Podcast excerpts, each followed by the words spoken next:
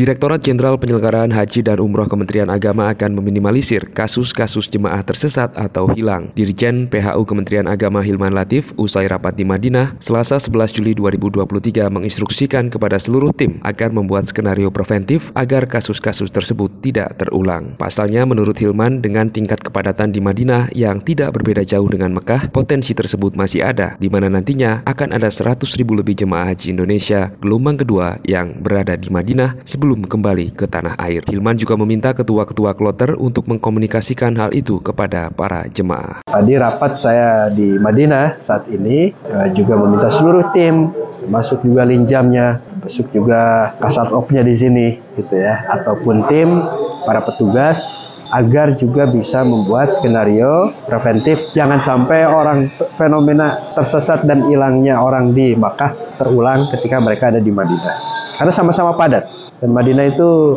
bagi orang yang tidak familiar gerbangnya dianggap sama semua. Tapi begitu keluar kok lain gitu ya. Posisi gedungnya dan lain-lain. Kemudian belok kanan saudara. Nah ini potensinya besar. Kita juga minta penempatan agar tidak terulang dan karena jamaah juga banyak yang nanti bergeser dari Makkah ke Madinah dan itu kan jumlahnya juga sekarang sudah hampir lebih dari 100 ribu orang artinya akan padat lagi di Madinah artinya jemaah akan menghadapi situasi yang padat lagi. Setelah tenang kemarin di Makkah ya pasca puncak haji pasca umroh sunnah dan sebagainya dan pasca tawaf ifadah atau tawaf wada nah, masuk ke Madinah dia akan menghadapi situasi yang juga padat.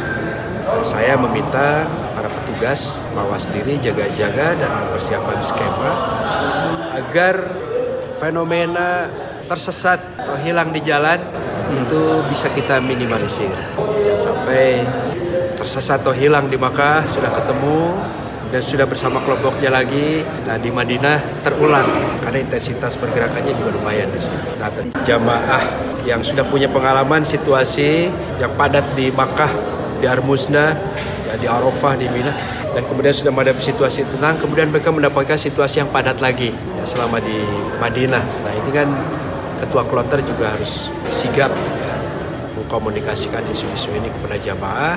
Petugas di sini pun sama di tempat-tempat tertentu berjaga. Rapat koordinasi di daerah kerja Madinah yang dihadiri para kasektor, para kasih, membahas persiapan menghadapi puncak gelombang 2, termasuk juga persiapan kepulangan jemaah dari Madinah ke Indonesia. Lanjut Hilman, pihaknya juga mengkoordinasikan kesiapan tim, akomodasi hotel, transportasi, antisipasi jika ada keterlambatan, perubahan jadwal pesawat, dan meminimalisir perubahan-perubahan yang ada sehingga seluruh proses tahapan penyelenggaraan haji gelombang kedua hingga kepulangan berjalan dengan baik. Demikian dari Mekah, Arab Saudi, Anton Reandra melaporkan.